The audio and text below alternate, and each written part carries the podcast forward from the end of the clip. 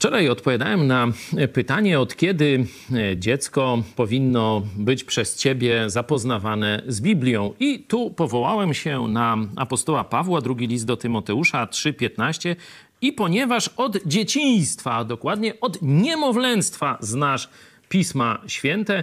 Widać, że w rodzinie Tymoteusza on był konfrontowany już przez zapewne matkę i babkę, bo one są wymieniane e, w tych listach z czytaniem Biblii. Najpierw one mu czytały, potem zapewne już czytał sam.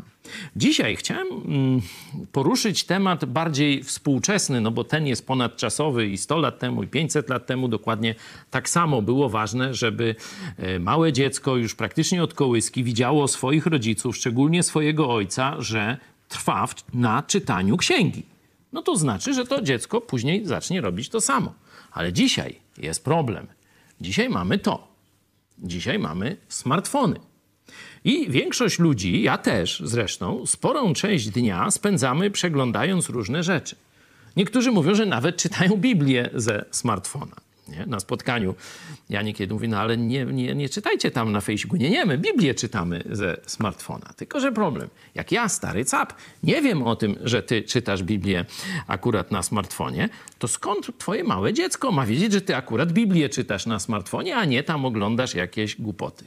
Sam mam ten problem, mam wnuka malutkiego i dużo czasu spędzam na smartfonie, ale kiedy pojawi się wnuk, staram się odłożyć smartfon, żeby on nie widział mnie ciągle przeglądającego, wiecie, o tak o.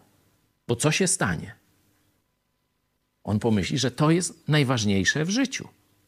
A apostoł Paweł mówi: Lecz ty poszedłeś za moją nauką, za moim sposobem życia, za moimi dążnościami. Tak będzie najprawdopodobniej i z twoim dzieckiem.